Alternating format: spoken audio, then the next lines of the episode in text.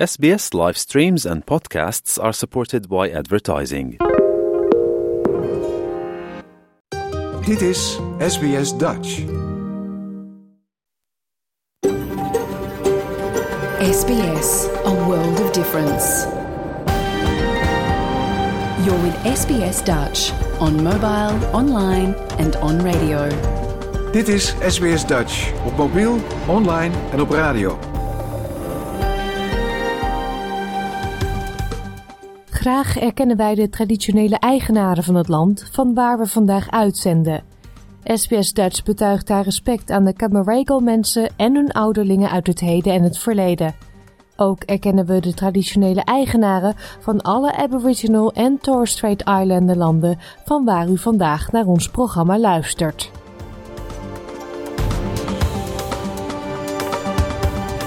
Een hele goede morgen en welkom bij SBS Dutch, het Nederlandstalige radioprogramma van SBS. Het is woensdag 14 februari 2024 en ik ben Paulien Roesink. In deze uitzending een gesprek met panfluitiste Henrike Doornebal.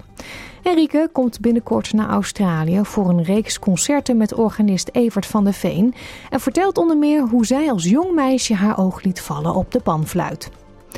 In een nieuwe aflevering van de SBS-serie Australia Explained onderzoeken we de culturele betekenis van weven voor First Nations. Ook hebben we een gesprek met belastingexpert Marlena Smit over werken voor een Nederlandse opdrachtgever of bedrijf, terwijl je voor een langere periode in Australië verblijft. Dat en alleen maar liefdesliedjes, want het is Valentijnsdag vandaag, allemaal straks. Nu eerst de SBS Nieuwsflits.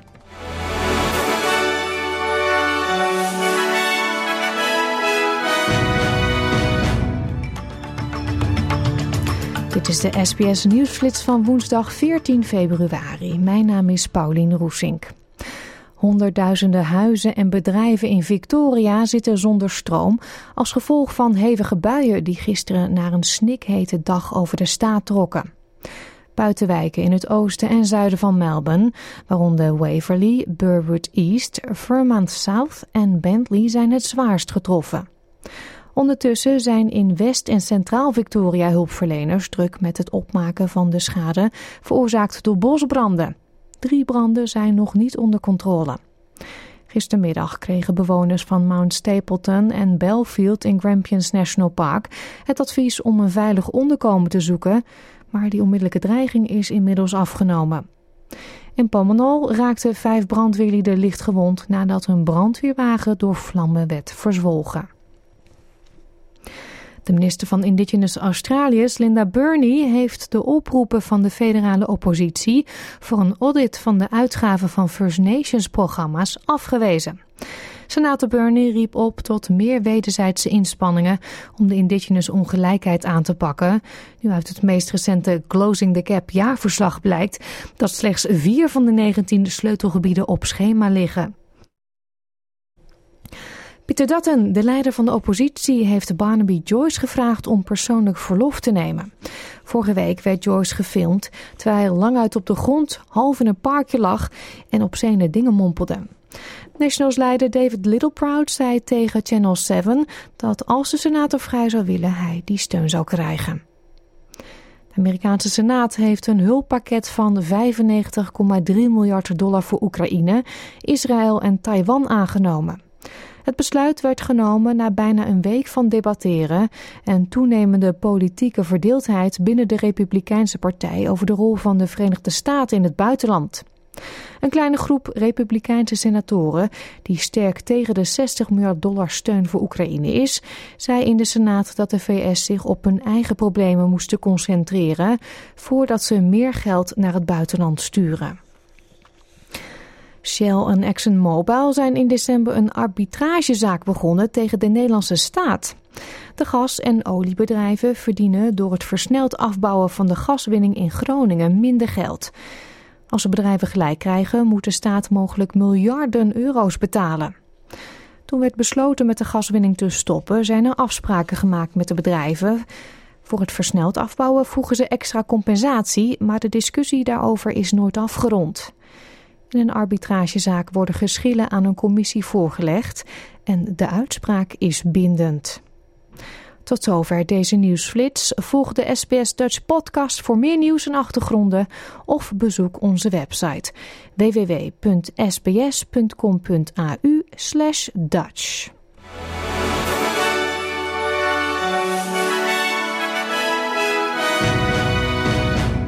We gaan verder met de achtergronden bij het nieuws. Er wordt gesproken van een tragedie die te voorkomen was. Tientallen jaren was er oneenigheid over hoe je kinderen moet leren lezen en nu leidt dat tot ondermaatse prestaties op Australische scholen. In het Reading Guarantee rapport van het Grattan Institute staat dat in een typische Australische klas van 24 leerlingen acht kinderen niet goed kunnen lezen. Co-auteur van het rapport, Annika Stobart, zegt dat kansarme studenten aanzienlijk slechter presteren dan bevoordeelde studenten, maar ook die blijven achter. Half of students in regional and rural areas um, are not meeting grade level expectations in reading, and this is even higher for Indigenous students.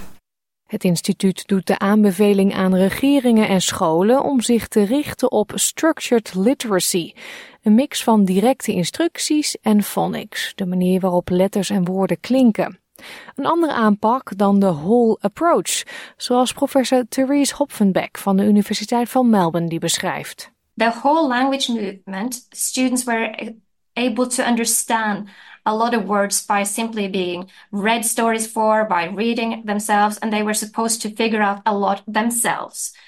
But some students and some student groups, we know they need a little bit more help to actually uh, help with decoding. And that's when we sometimes use phonics. Please don't go from whole movement and just phonics only. Try to find the right balance. Het instituut stelt ook een nieuw ambitieus doel. Namelijk om het aantal bekwame lezers in de komende 10 jaar te laten stijgen tot 83% en tot 90% op lange termijn. Het Grattan Institute schat dat deze zogenaamde mislukking, en daarmee bedoelen ze dus het leesniveau van de jonge kinderen, de Australische economie 40 miljard dollar zou kosten gedurende de levens van de studenten. Students would have lower earnings over their lifetimes, but that governments would also lose out on tax revenue and pay more for health, welfare and justice. Uit het rapport blijkt ook dat een gebrek aan financiering op scholen voorkomt dat leerlingen met problemen de steun krijgen die ze nodig hebben. Daarom wordt er opgeroepen meer te investeren, onder meer door minister van Onderwijs Jason Clare. Hij dringt aan op verdere stappen. We've got to make sure that our public schools are properly funded. But we've also got to make that money work. We've got to make sure that we invest that money in the things that we know work, that are going to help kids who fall behind to catch up and catch-up tutoring is one of those things. Dit was een verhaal van Manas Angouri voor SBS Nieuws, door SBS Dutch vertaald in het Nederlands. Het weer dan van recorddroogte en hitte tot fatale overstromingen. 2023 was een jaar met extreem weer voor Australië. Nieuwe rapporten van het Bureau of Meteorology bevestigen dat dit het achtste warmste jaar ooit in Australië was. De Australische winter was zelfs de allerwarmste ooit. Augustus tot oktober waren de droogste drie maanden en ook toen werden records gebroken. Maar de zorgen over zomerhitte en bosbranden kwamen niet helemaal overeen met de voorspellingen. David Gooding van het Bureau of Meteorology legt dat uit. Australia's climate was very much influenced by what we call the Indian Ocean Dipole. It was in a positive mode, and also El Nino. And we developed a, a, an environment where conditions across much of the country was very warm and very dry. We did see more uh, wet conditions, particularly in the north and along the east coast. We maken even een rondje door het land. Queensland, New South Wales en Victoria kregen te maken met recordregenval. Terwijl een dodelijke bosbrand in Queensland meer huizen verwoestte dan tijdens de zwarte zomer van 2019-2020. Gippsland in regionaal Victoria kreeg al vroeg in het seizoen te maken met bosbranden, gevolgd door extreme regenval en plotselinge overstromingen. Ook Zuid-Australië, Tasmanië en andere delen van Victoria hadden recordbrekende regen. En West-Australië registreerde de warmste september ooit gemeten. Huizen rond Perth werden drie keer bedreigd door bosbranden. De oostkust, tenslotte, heeft tijdens de zomerperiode te maken gehad met een ongewoon hoge luchtvochtigheid. Dr. Simon Bradshaw is onderzoeker van de Climate Council en zegt dat er veel te leren valt van deze weerpatronen. The lesson from this summer really is that things are becoming more chaotic and unpredictable and harder to foresee. So we really got to take that message of urgency when it comes to looking after our communities and tackling the climate crisis. Climate justice is what we need, not fossil fuels and corporate greed. Donderdag kwamen activisten van de Australian Youth Climate Coalition bijeen in Parliament House en drongen er bij de federale regering op aan verder actie te ondernemen tegen klimaatverandering. We can't keep using fossil fuels and expecting the outcome, the worsening climate crisis, to change because quite simply it won't. I'm calling on those in power to listen to youth voices and support an urgent transition away from gas and towards renewable energies. Groene leider Adam Bent ging ook in op wat hij de geschonden milieuwetten van de federale overheid noemt. I'm making sure that new coal and gas projects that threaten our environment cannot go ahead. And Labor should back that. Labor says that it's serious about tackling climate change. Well, if you're serious about tackling climate change, then our laws must stop new coal and gas projects from being approved. En zo reageerde milieuminister van Labour, Tanya Plibersek, daarop. The Greens political party and the, the crossbench negotiated with the government a safeguard mechanism. The safeguard mechanism is the legislation that ensures that Australia gets to net zero. It's why, for example, we are investing in upgrading um, the, the predictive capacity of the Bureau of Meteorology because we know that the weather uh, we're dealing with is becoming increasingly uncertain. In de tussentijd zegt David Gooding van het Bureau of Meteorology dat het ergste van het wilde weer nog niet helemaal voorbij is. So, what we expect in at least the three months ahead is um, probably wetter than average over the north and northeastern of Australia, but probably equal chances of being wet or dry for much of the rest of Australia. Dit was een verhaal van Youssef Saudi en Madina Jafari voor SBS Nieuws, door SBS Dutch vertaald in het Nederlands. Als jong meisje werd Henrike Doornenbal verliefd op de panfluit. En zoveel jaren later is die liefde er nog steeds. Ze geeft regelmatig optredens in Nederland en gebruikt de panfluit in haar werk als muziektherapeut. Binnenkort komt ze samen met organist Evert van de Veen naar Australië voor een reeks kerkconcerten in WA. En dat gaat dan ongeveer zo klinken.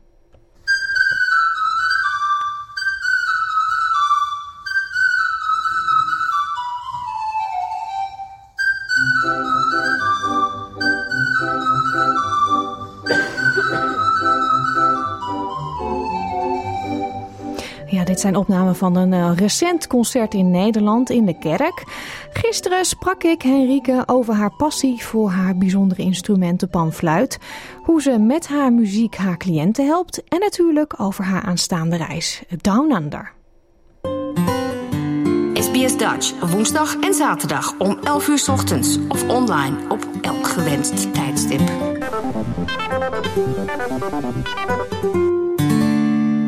Enrique, wat leuk dat je naar Australië komt. Je allereerste keer, hè?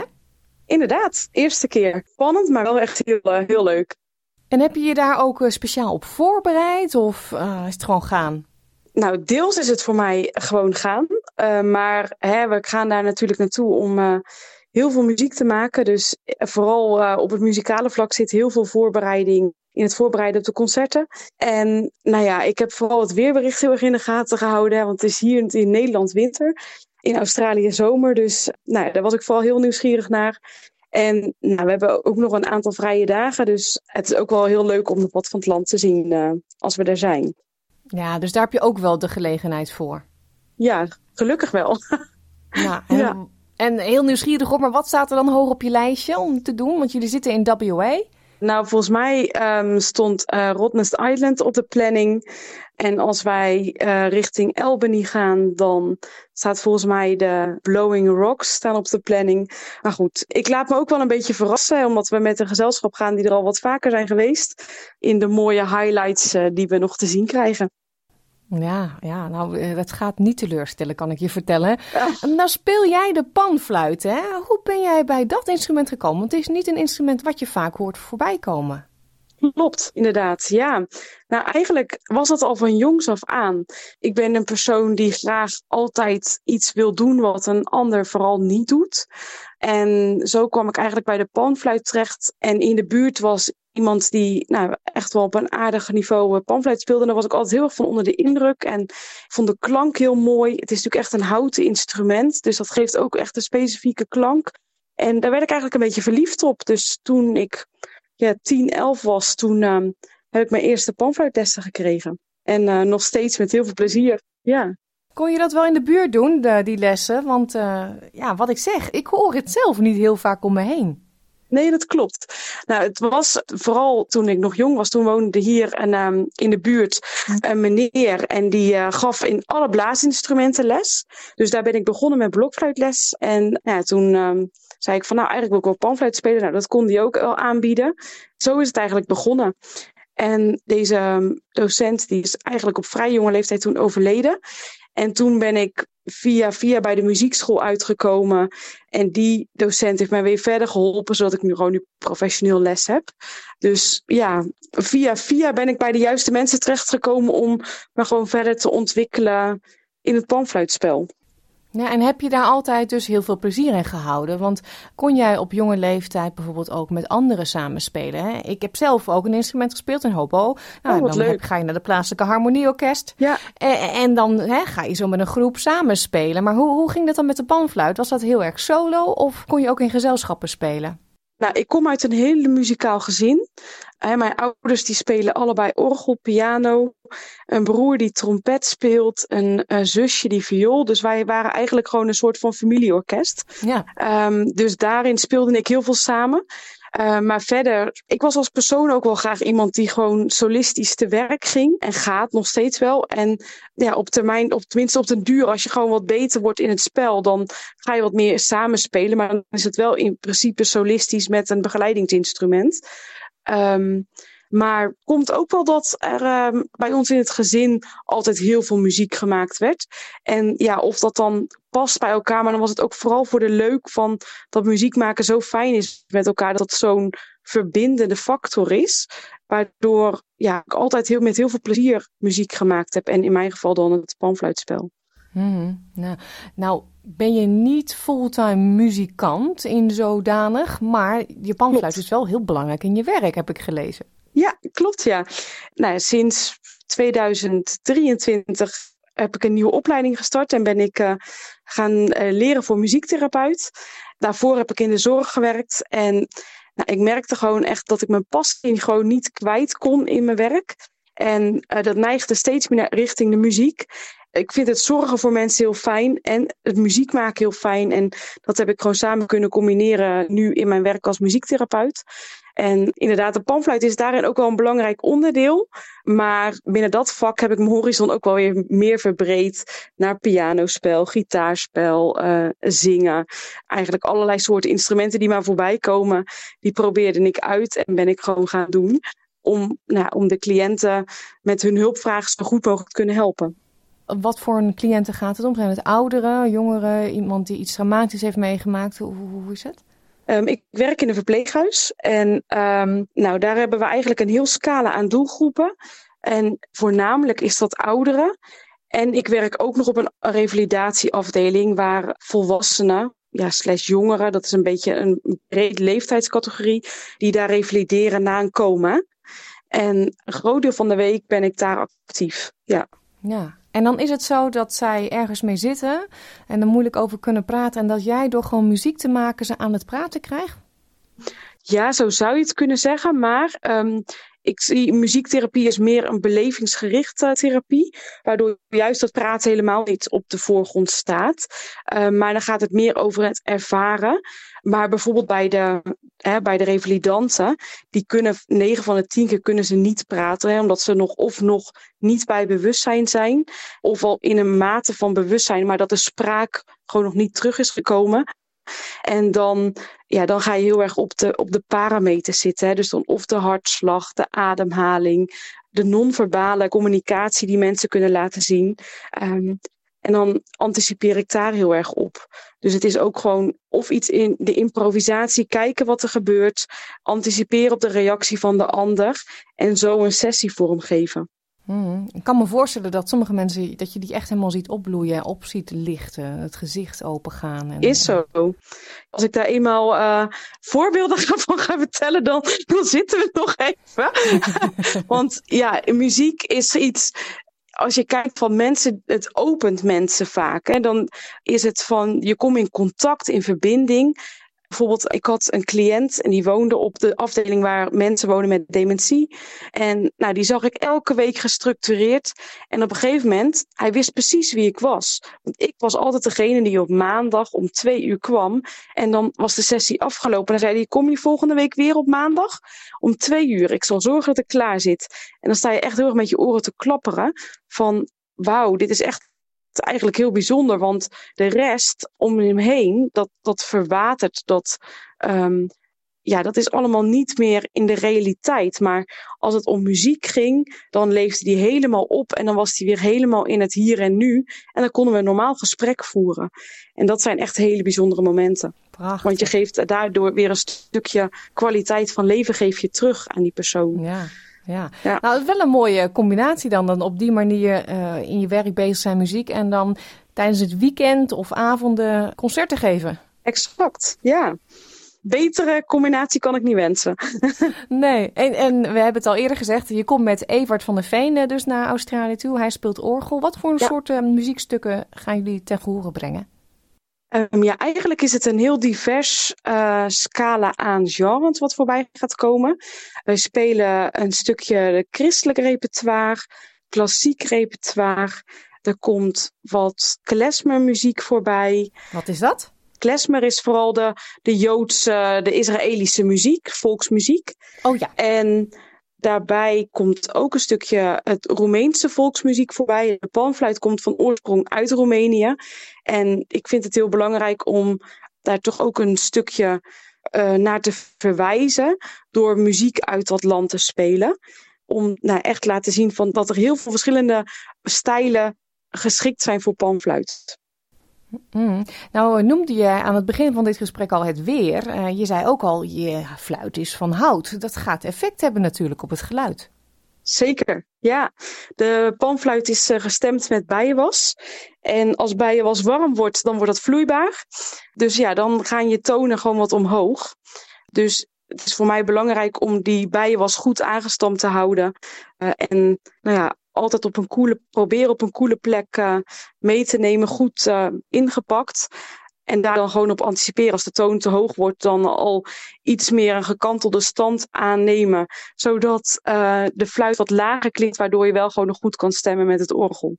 Dus, maar dat gaat wel goed komen. Ja, dus dat kan jij zo beïnvloeden wel. Ja. ja.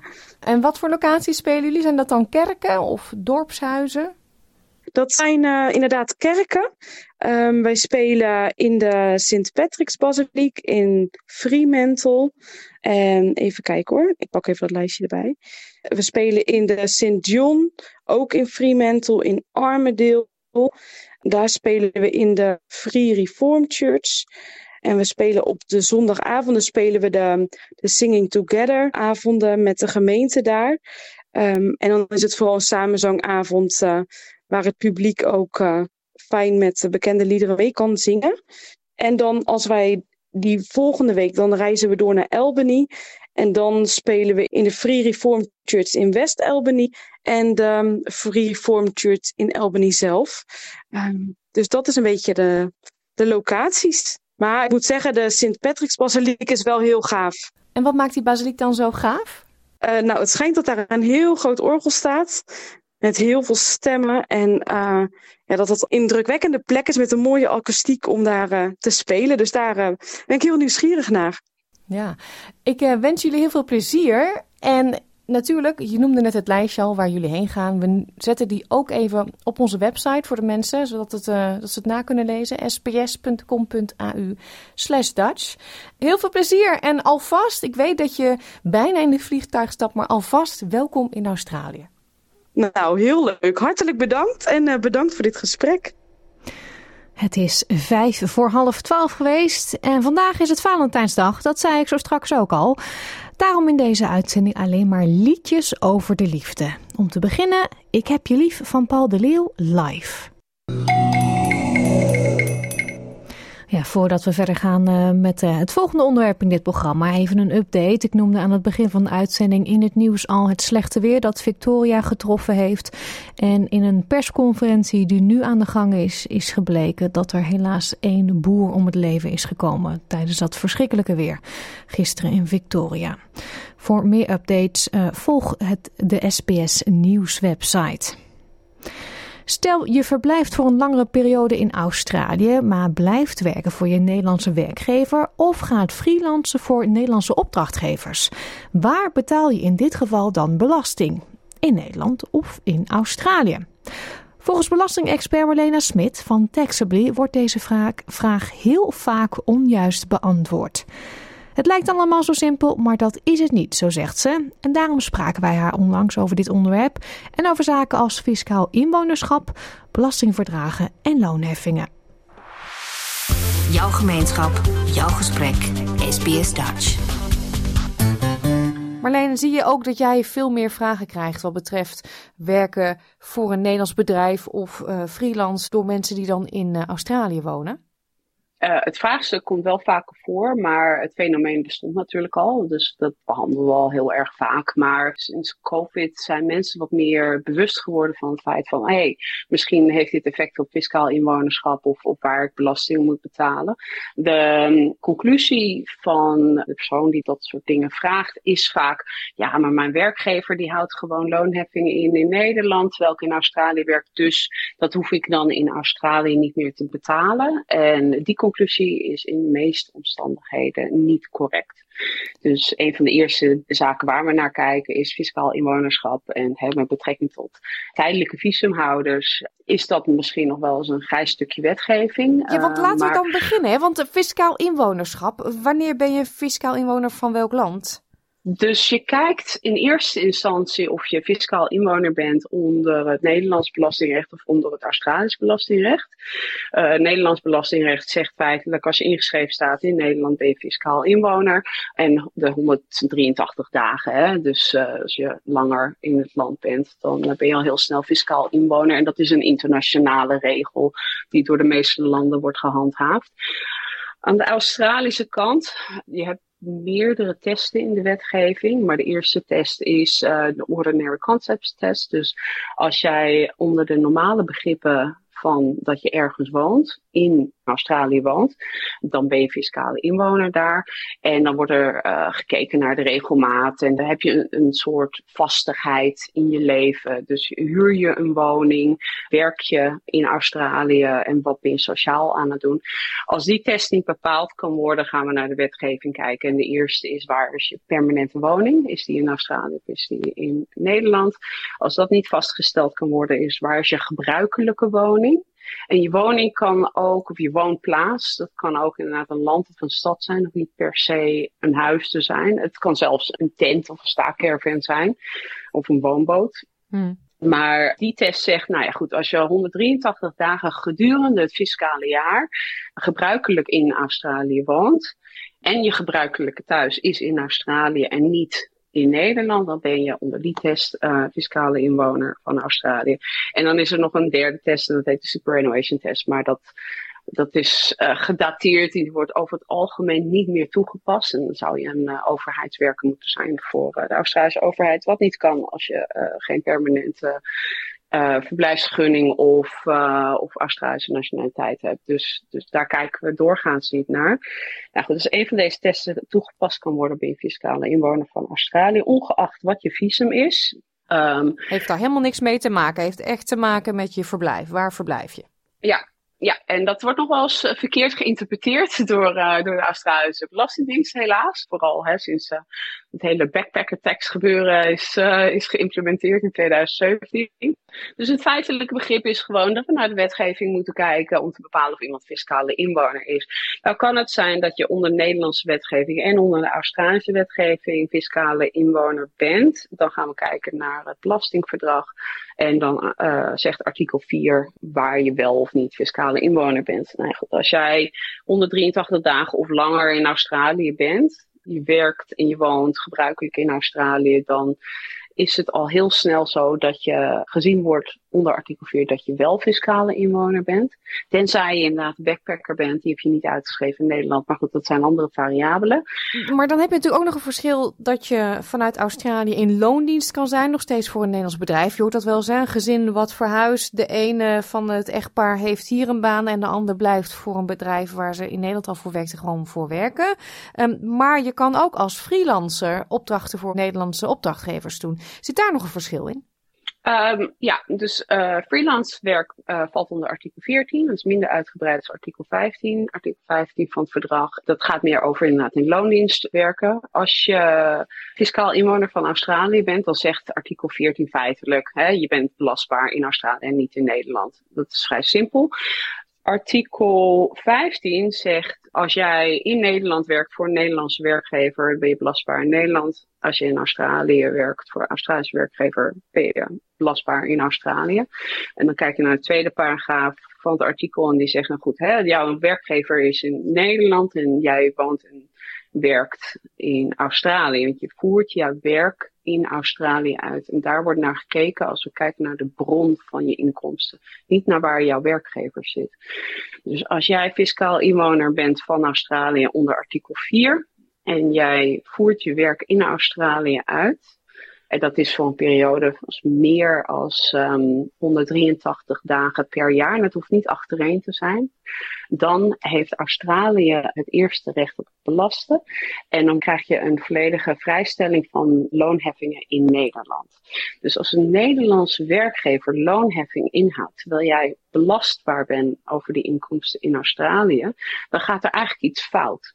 Ja, dan gaat er dus wat fout, want dan betaal je eigenlijk dubbel. Want je moet hier in Australië ben je belastingplichtig en in Nederland houden ze ook wat in.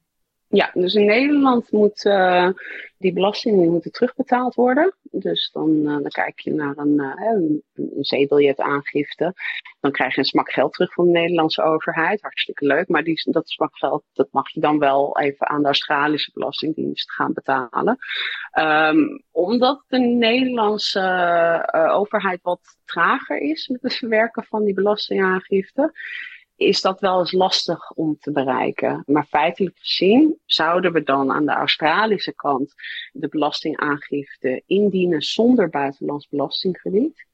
Ervan uitgaan dat je een volledige vrijstelling krijgt in Nederland. Hmm. En in Australië wordt het allemaal binnen twee weken dan verwerkt. Je krijgt een aanslag in Australië. Nou ja, goed. Dan uh, zit daar een periode in dat je dat moet gaan betalen. Maar dat kan zijn dat je dan de teruggave uit Nederland nog niet hebt ontvangen. En dat kan voor problemen zorgen. En in dat soort uh, situaties kan je best een betalingsregeling opzetten met uh, de Australische Belastingdienst. Mm-hmm. Zijn er dingen waar je rekening mee moet houden, waar mensen niet vaak aan denken, wat jij in de praktijk dan tegenkomt? Ja, dus er zijn meerdere zaken natuurlijk als alleen maar het fiscaal recht. We kijken ook naar uh, de sociale zekerheid. Als jij niet meer in Nederland woont en werkt, maar nog wel een Nederlandse werkgever hebt, dan hoor je eigenlijk niet voor uh, de sociale verzekering in Nederland te betalen. Maar superannuation bijvoorbeeld moet wel door de Nederlandse werkgever betaald worden in Australië. Tenzij er een specifiek certificaat is aangevraagd waardoor de werkgever vrijstelling daarvan heeft. Maar in de meeste gevallen registreren Nederlandse werkgevers zich niet als buitenlandse werkgever bij de Australische Belastingdienst. Daardoor krijgen ja, Nederlanders die permanent in Australië werken voor een Nederlandse werkgever geen superannuation. Dus ze hebben een gebrek aan superannuation opbouw. Ehm, Medicare levy, dat soort zaken worden niet meegenomen in het hele verhaal. Maar dat, dat gaat dan wel weer via de Belastingdienst.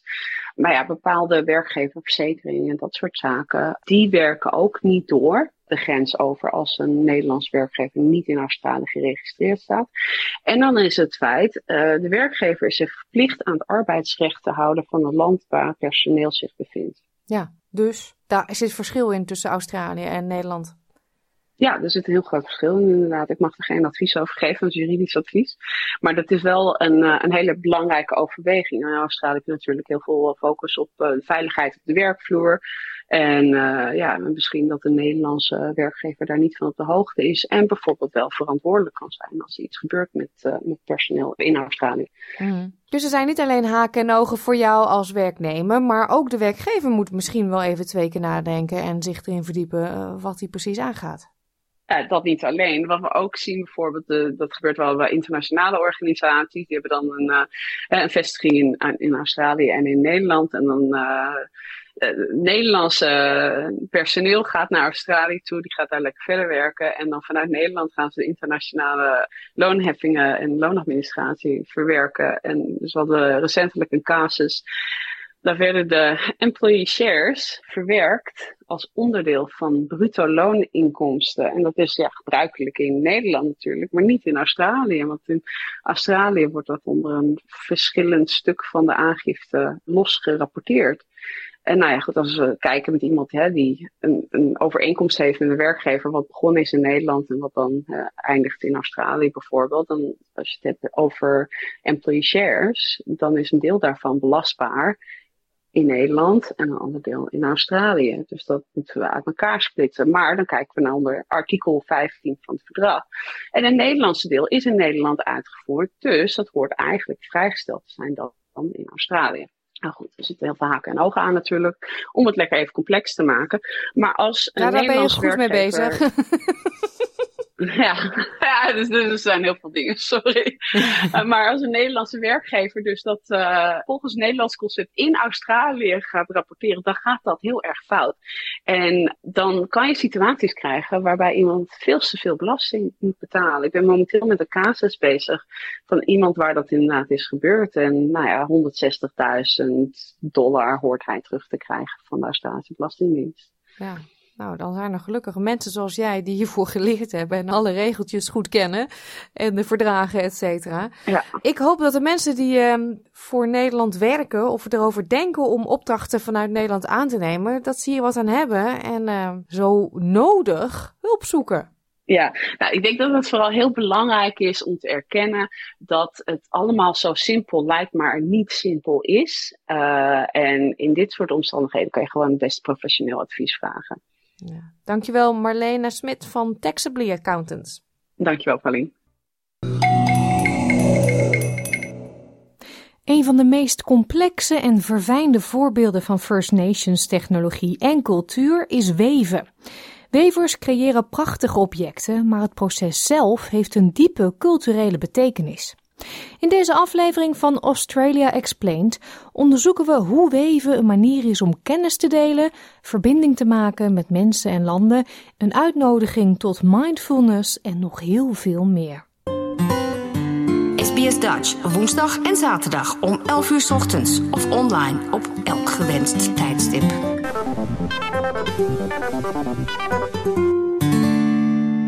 Geweven objecten zijn net zo divers als de First Nations wevers die ze maken.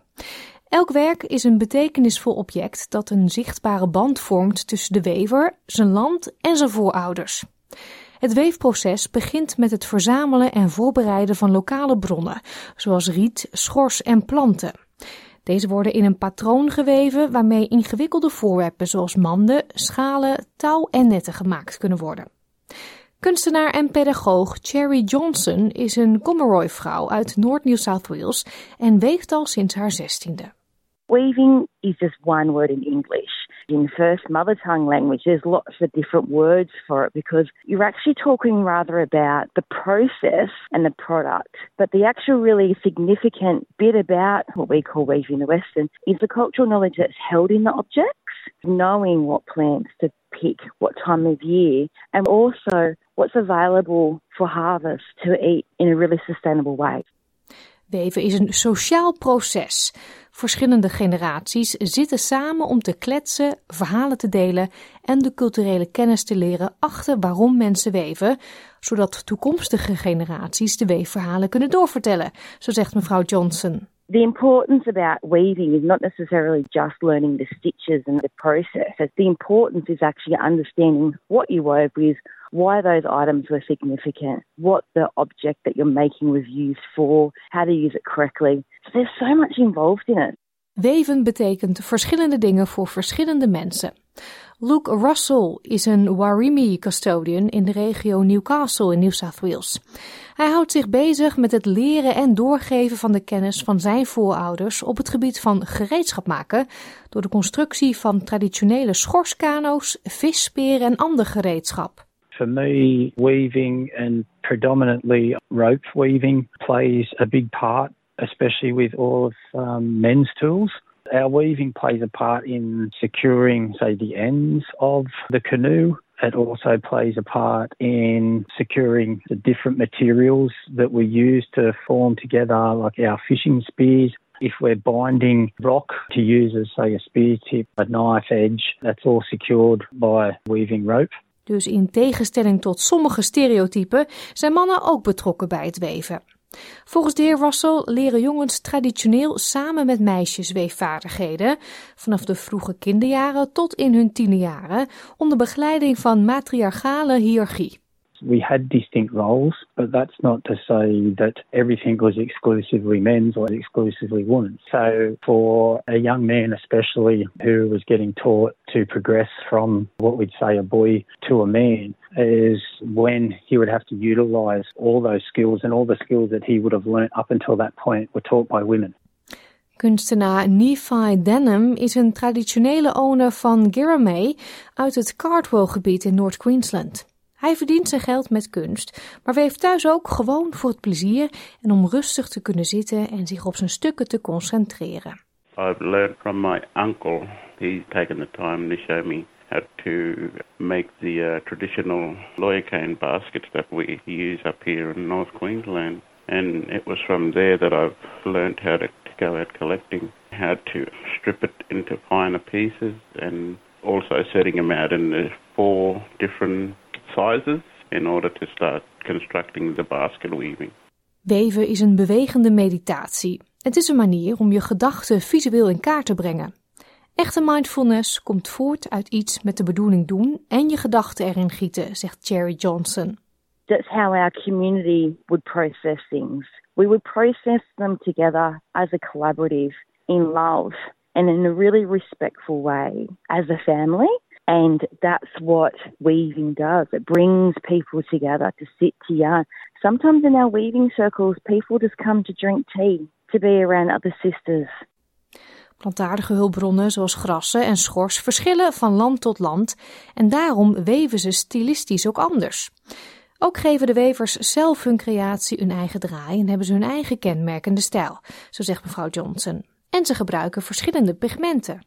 Here in Australia, we collect pigment from country, as in flowers, bark, sap, roots, all sorts of things. So, different areas, you would collect different pigment. And artists purposefully using the pigment to colour the woven fibre is really significant for that person for that area. So typically, somebody with a trained eye can pick the region and sometimes even the artist based on the pigment, the style, and the stitch and the materials.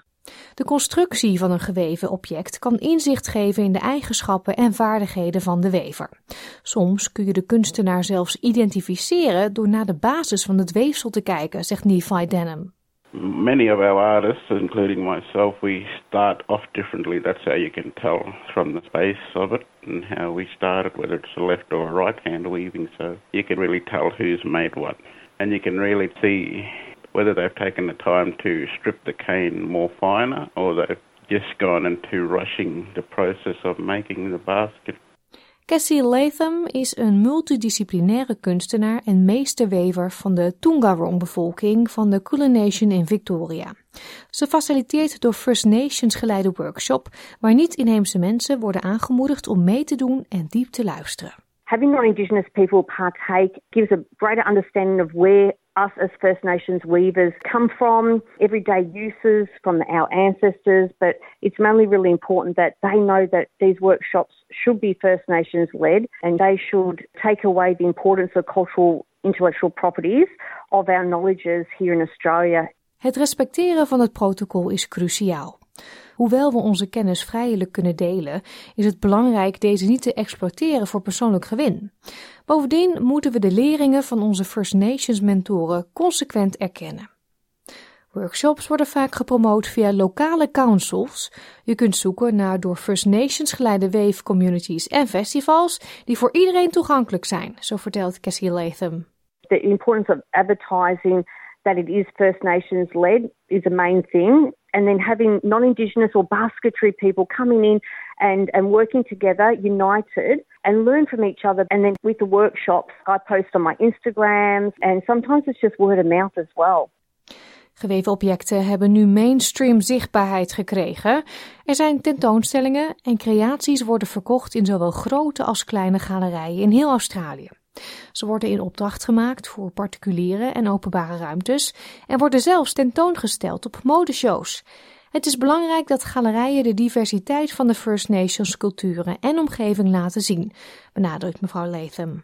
The mainstream with weaving is actually a visual insight into the past, which is now the present and all of us weavers are continuing for our future generations. So when people go into galleries, people do need to realise too that our weaving is Australia wide and everyone has a cultural significant story with the weaving or fibres of plants. It's not all the same. Deze aflevering van Australia Explained werd gemaakt door Melissa Compagnoni en door SBS Dutch vertaald in het Nederlands.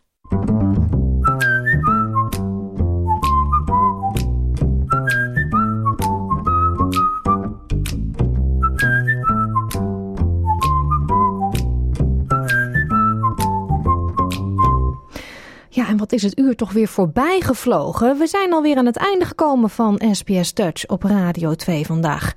Op onze website www.sbs.com.au Dutch kunt u deze aflevering terugluisteren, net als onze andere gesprekken en podcastseries. Terugluisteren kan ook via de SBS Audio app. Deze is gratis te downloaden in de Apple Store en Google Play. SBS Dutch is ook present op Facebook. www.facebook.com slash sbsdutch. Geef ons daar een like, praat mee en mis niets. We eindigen vandaag het programma met liefdesliedjes van de Jazzpolitie. Ik wens een hele fijne middag en heel graag tot zaterdag. Wil je nog meer soortgelijke verhalen? Luister via Apple Podcasts, Google Podcasts, Spotify of waar je je podcasts dan ook vandaan haalt.